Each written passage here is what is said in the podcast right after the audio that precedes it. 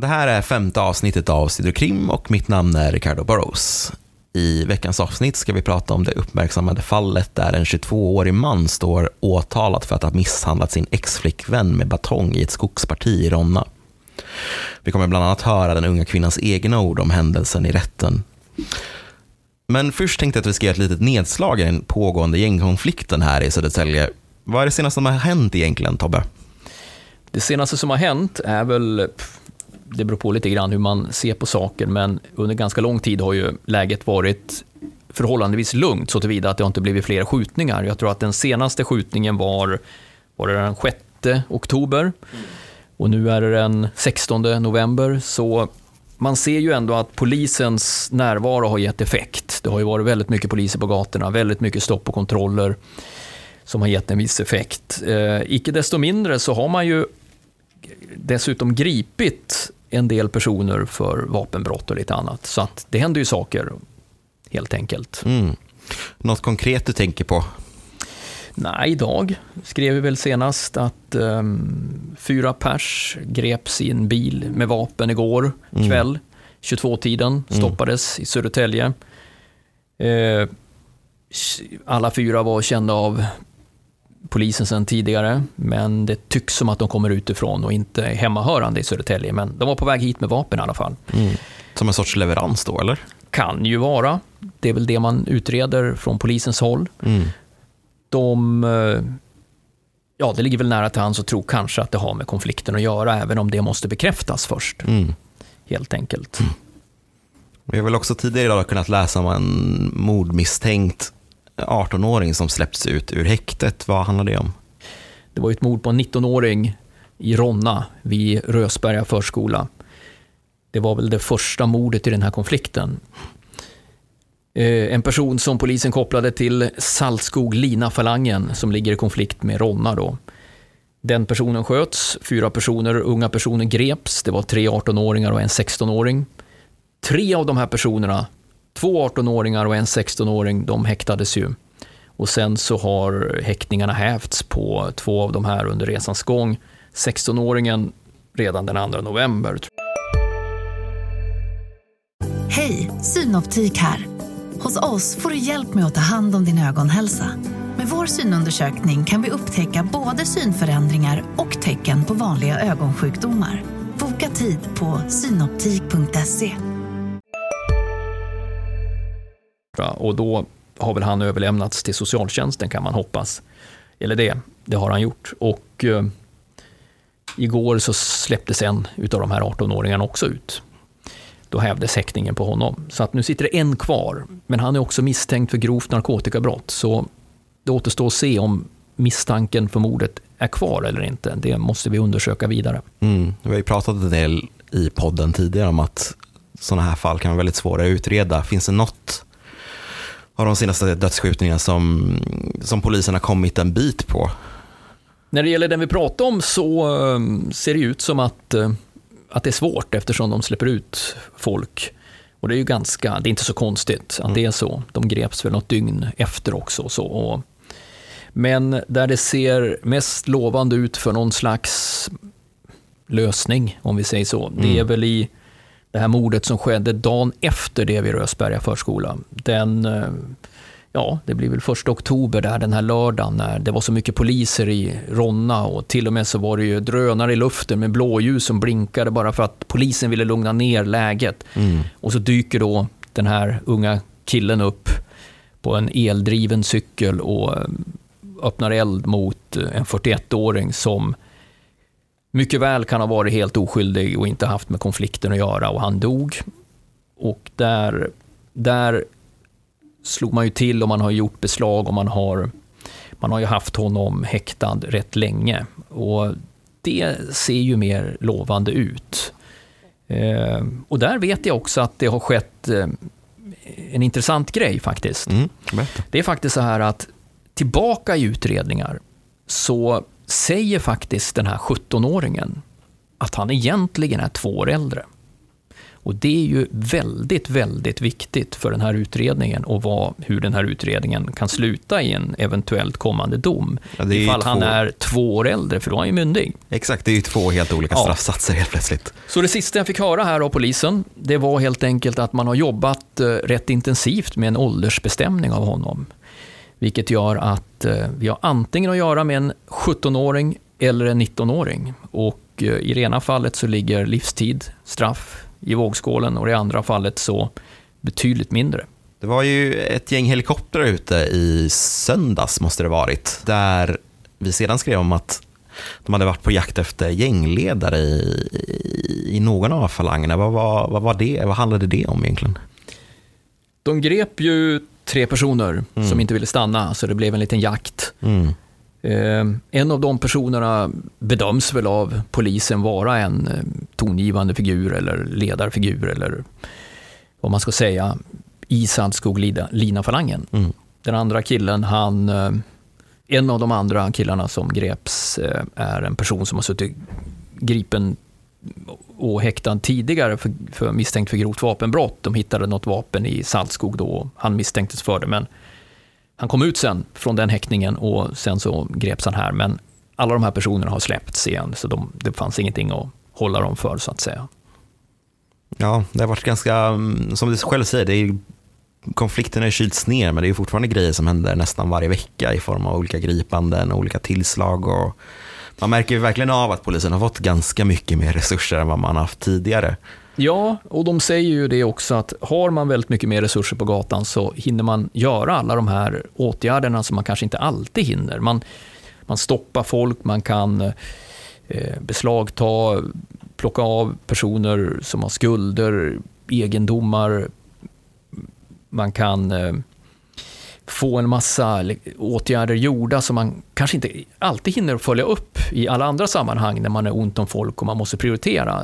Så har jag förstått det som. Att man, och det har ju vi sett också. Det har ju kommit in sådana här eh, beslut från Kronofogden om utmätningsbeslut och sådana här saker som börjar droppa in här och man ser att polisen utmäter inte bara pengar och smycken och så utan en hel del skottsäkra västar faktiskt eftersom många av de här personerna som bär skottsäker väst i vardagen, de har oftast skulder till brottsoffer sedan tidigare. Och då har Kronofogden insett att de här västarna inbringar faktiskt ett visst värde. De brukar gå för en sådär 1500 spänn på Kronofogdens auktioner och ibland mer också. Mm.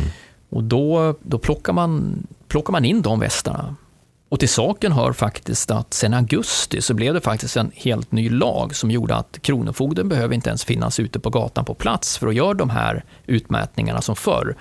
Utan nu kan man göra det på distans, digitalt. Och polisen har väldigt bra digital utrustning som gör att de direkt om de skulle gripa dig eller någon annan eh, om du skulle vara misstänkt för någonting mm. och eh, du skulle ha skulder så ser de det direkt. Mm puff på skärmen. Jaha, här har vi skulder. Okej. Okay.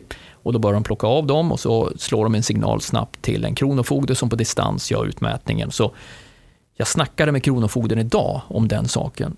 Och antalet liksom, i värden som de har utmätt för har tydligen ökat med 800 procent sedan de införde det här i augusti. Och antalet telefonsamtal till Kronofogden då, från polis, kustbevakning, tullen mm. har ökat med typ 300 procent sa de. Mm.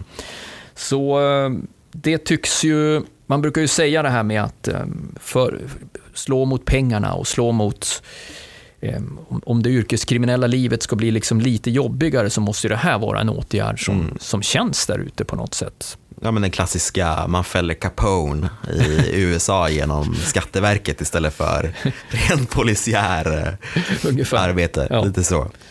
Och med den svaga liknelsen så tänker jag att vi eh, rör oss vidare till veckans huvudfall helt enkelt. Eh, vi tar en liten kort paus och sen återkommer vi strax.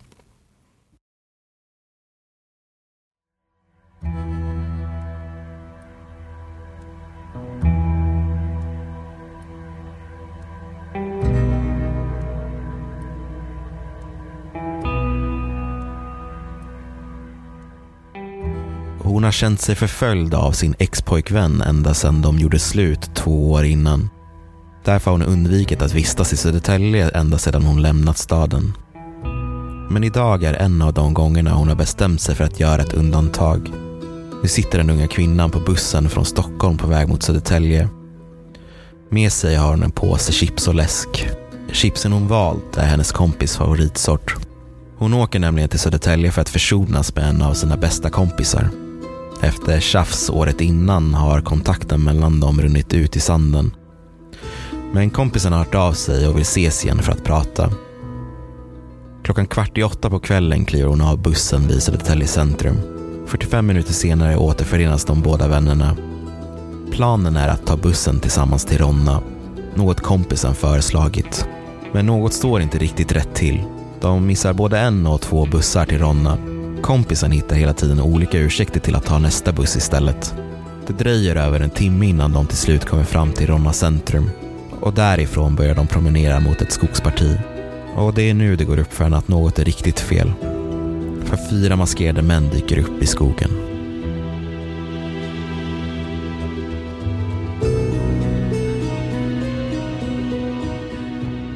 Tobbe, vad är det egentligen som händer i den där skogsdungen? Vad vet vi egentligen? Det vi vet är att eh, hon tillsammans med en kompis går in i den där skogsdungen och enligt henne själv så blir hon lurad i en fälla av den här tidigare kompisen. Det ska dock sägas att den här kompisen inte på något sätt är åtalad i det här ärendet. Nej. Men hon satt ändå häktad i fem veckor. Mm. Eh, Man har valt att överklaga, eller hur? jag, nej, inte vad jag vet, men, men det lät ju som att man var missnöjd över att det hade lagts ner just på den eh, punkten. så att säga. Men, men för att återgå till din fråga. Det, det, som hände där uppe i skogen var helt enkelt att det dyker upp några killar på eh, elsparkcyklar. Och eh, eh enligt eh, den här tjejen då så är tre av dem maskerade medan en av dem, som är hennes ex, eh, inte är maskerad. Och till saken hör då att det har varit slut mellan de här två i ungefär två års tid. Eh, och den här tjejen som är bara 20 år, hon har träffat en ny och eh, den här killen, exet, enligt henne då, är oerhört eh, ska vi säga, hon har haft en hotbild från honom under, en väldigt, under hela den här tiden och därför har hon undvikit Södertälje. Men, men... Hej, Ulf Kristersson här. På många sätt är det en mörk tid vi lever i. Men nu tar vi ett stort steg för att göra Sverige till en tryggare och säkrare plats. Sverige är nu medlem i Nato. En för alla, alla för en. Vi är specialister på det vi gör, precis som du. Därför försäkrar vi på Swedea bara småföretag, som ditt. För oss är små företag alltid större än stora och vår företagsförsäkring anpassar sig helt efter firmans förutsättningar.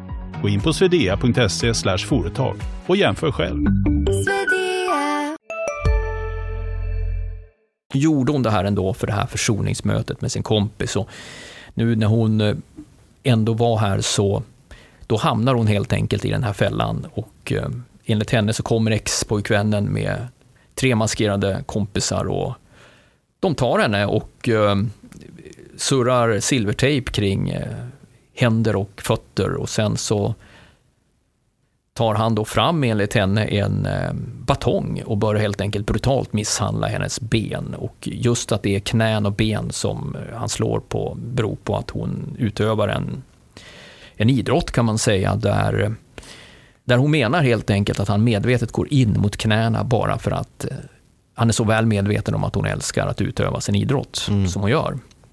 Hon ställs ju inför den här situationen, alltså hon upptäcker ju att det är maskerade män i det här skogspartiet enligt hennes egna berättelse. Och vi kan ju höra hur hennes tankar gick eh, när det här väl skedde, för hon berättar ganska gripande i, i rätten. Ja, eh. det här är ljud från rättegången som vi har valt att eh, begära ut helt enkelt. Mm, och vi har ju såklart eh, förvrängt hennes röst så att man inte mm, kan identifiera henne helt enkelt. Alltså, det kändes typ så här. Jag kommer inte komma härifrån. Det, jag har ingen aning om vad som kommer hända. Jag vet bara att jag kommer bli skadad. Jag vet det. Han eh, tog min eh, väska. Jag hade en eh, väska på mig. Gav den till sin kompis och sa här, kolla igenom hennes väska, stäng av hennes telefon, kasta den, Alltså i den stunden kände jag typ såhär, att det är kört. Det här är någonting illa. Det här är någonting... Det är någonting jättedåligt som kommer ske, kände jag. Jag visste. Han ställde sig upp precis över mig, typ. Den andra killen stod åt sidan. Eller bakom, eller ja. Ehm, och så började han ta fram en batong som man kunde dra ut i tre olika tre steg. Ehm, och så började han eh, så här, le, leka med den med händerna. Och så började han säga, jag ska bara prata med dig.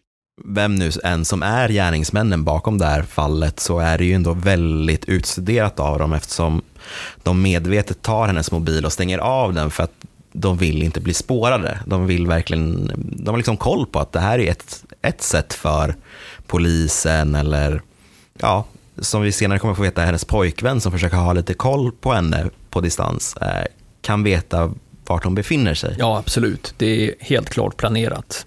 Det är väldigt starka ord från den här kvinnan som berättar om själva händelsen. Och du var ju faktiskt där på rättegången, Tobbe. Kan du berätta lite om hur stämningen var där inne? Det var ju anhöriga från båda sidor som satt med mm. och den eh, åtalades anhöriga eh, trodde ju helt på, på den åtalade mannen så att säga medan den unga kvinnans anhöriga här, eh, ja, trodde ju såklart på sina och det är lite typiskt sådär i sådana här rättegångar att, det, att eh, de anhöriga sluter helt upp på, på sina respektive.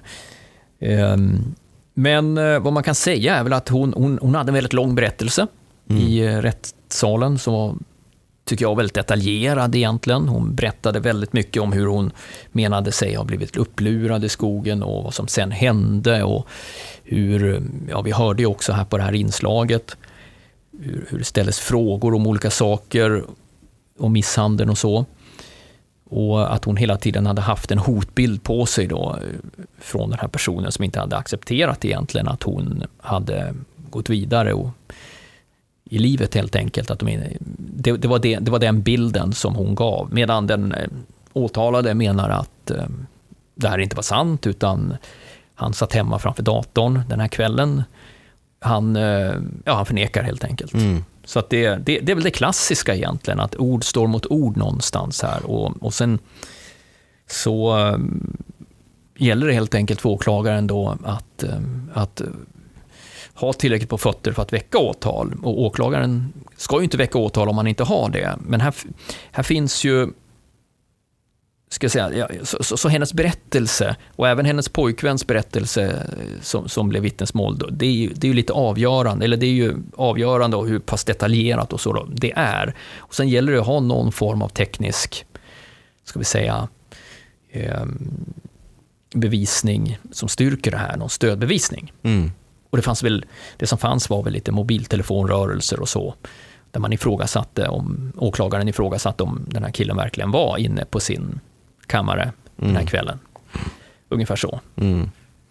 För om vi tar oss tillbaka till skogen igen, du nämnde det redan lite tidigare, men det är ju väldigt tortyrliknande scener som hon målar upp i rätten. Vi kan ju lyssna lite mer på vad hon sa i sin berättelse. Han och hans kompis började lyfta mig eh, från underarmarna. De började lyfta mig. Det som hände var att de sa till mig gå och så tog jag ett steg även fast det var så svårt. Och då blir rasande. Och så säger han, hur fuck har hennes knän klarat sig så här bra? Jag ska bryta hennes knän. Eh, och eh, han blev rasande, puttade ner mig och började fortsätta slå tätt på varandra. Målet var ju att han ville eh, bryta mina knän eller han ville slå mig så mycket tills jag inte ens kan gå längre. Det man undrar när man hör det här, det är ju hur vännerna till den här personen verkligen har eh, fått att ställa upp på det här. För att i utredningen kan man ju se att det är lite personer som har vissa kopplingar till kriminella nätverk i utkanten av dem i alla fall. Eh, lite yngre personer och sådär. Mm. Och det är ingen merit att misshandla en tjej på det här sättet. Så man kan ju undra i vilken tankevärld lever man ifall man tycker att, att hon är värd det här? Alltså, tycker man då att att för att hon gjorde slut med deras kompis så var hon värd den här behandlingen? Eller kan man undra, har de fått höra något annat som inte framgår? Har de fått en annan bild av vad hon skulle ha gjort enligt, enligt eh, expojkvännen. Då. Det, det är såna här tankar. Det, det, här framkommer ju inte alls i utredningen på något sätt, men, men eh, man funderar ju på, för, för det är ju extremt och det kan ju knappast vara en merit bland killar att göra en sån här sak mot en ensam ung tjej. Mm.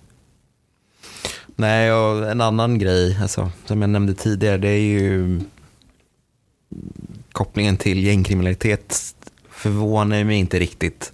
Just med tanken på att man liksom har koll på ja, men just vad som kan användas i bevis i ett sånt här fall. Och jag tänker mig att även när man inte misshandlar någon i nära relation så är det ju sådana här beteenden man har lärt in sig på något, ett eller annat sätt eh, genom att röra sig i de här olika miljöerna.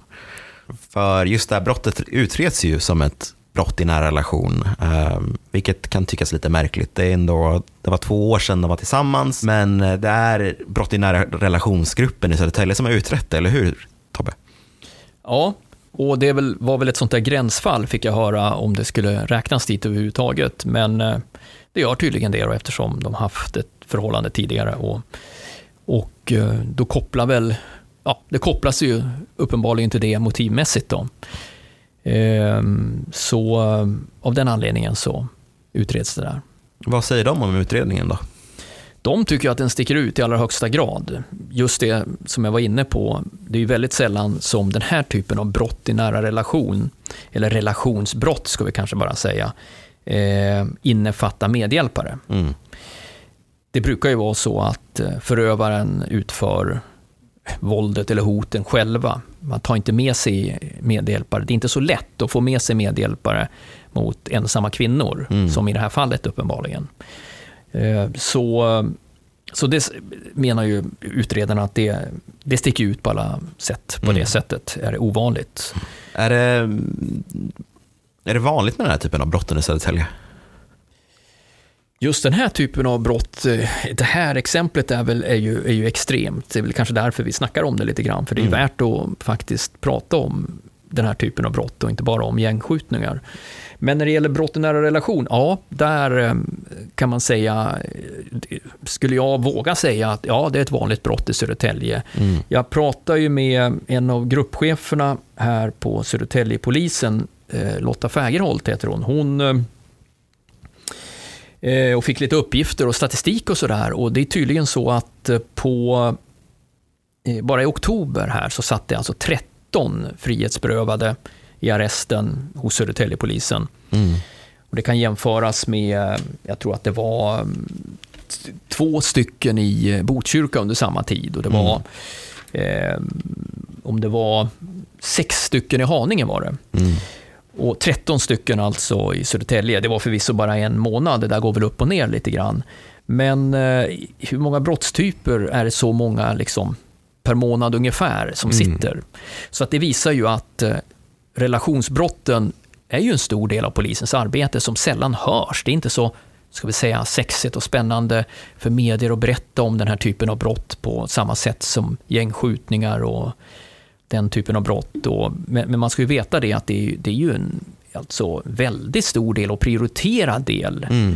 Och eh, oerhört viktig brottsbekämpning med tanke på familjer som utsätts för för det är ju det vanliga, det ser inte ut så här med, med mm, en grupp som lurar upp en tjej i skogen och slår henne, utan det vanliga är ju innanför husets väggar. Mm. Och att eh, barn kan finnas med i bilden som bevittnar oftast då kanske mamman som misshandlats och sådär. Så, så vet jag det också att man har faktiskt gjort en omorganisation ganska nyligen i Södertälje, där man där brott i, i nära relation den gruppen, så att säga, som tidigare tillhörde lokalpolisområde Södertälje, numera tillhör eh, polisområde Syd mer. Så att tidigare så har det varit så att när det sker en skjutning, då rycker man liksom utredare från brott i nära relation. Det kan mm. man inte göra längre. Så okay. nu, nu är det mer kraft på den här typen av, av brottslighet. Mm. Ska man rycka mer resurser får man rycka dem från annat håll. Mm. Från eh, andra, från, från grova brottsgruppen i syd och sådana här om ställen, men inte från den här BIN-gruppen, brott i nära relation. Mm.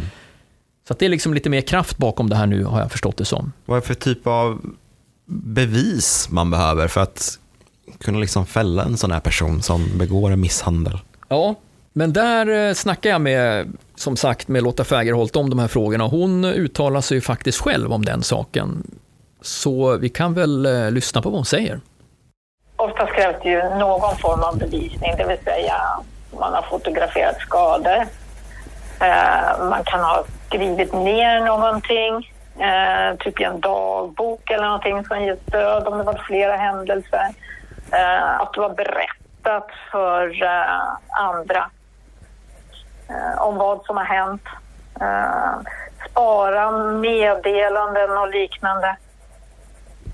Någon form av stödbevisning eh, krävs det ofta.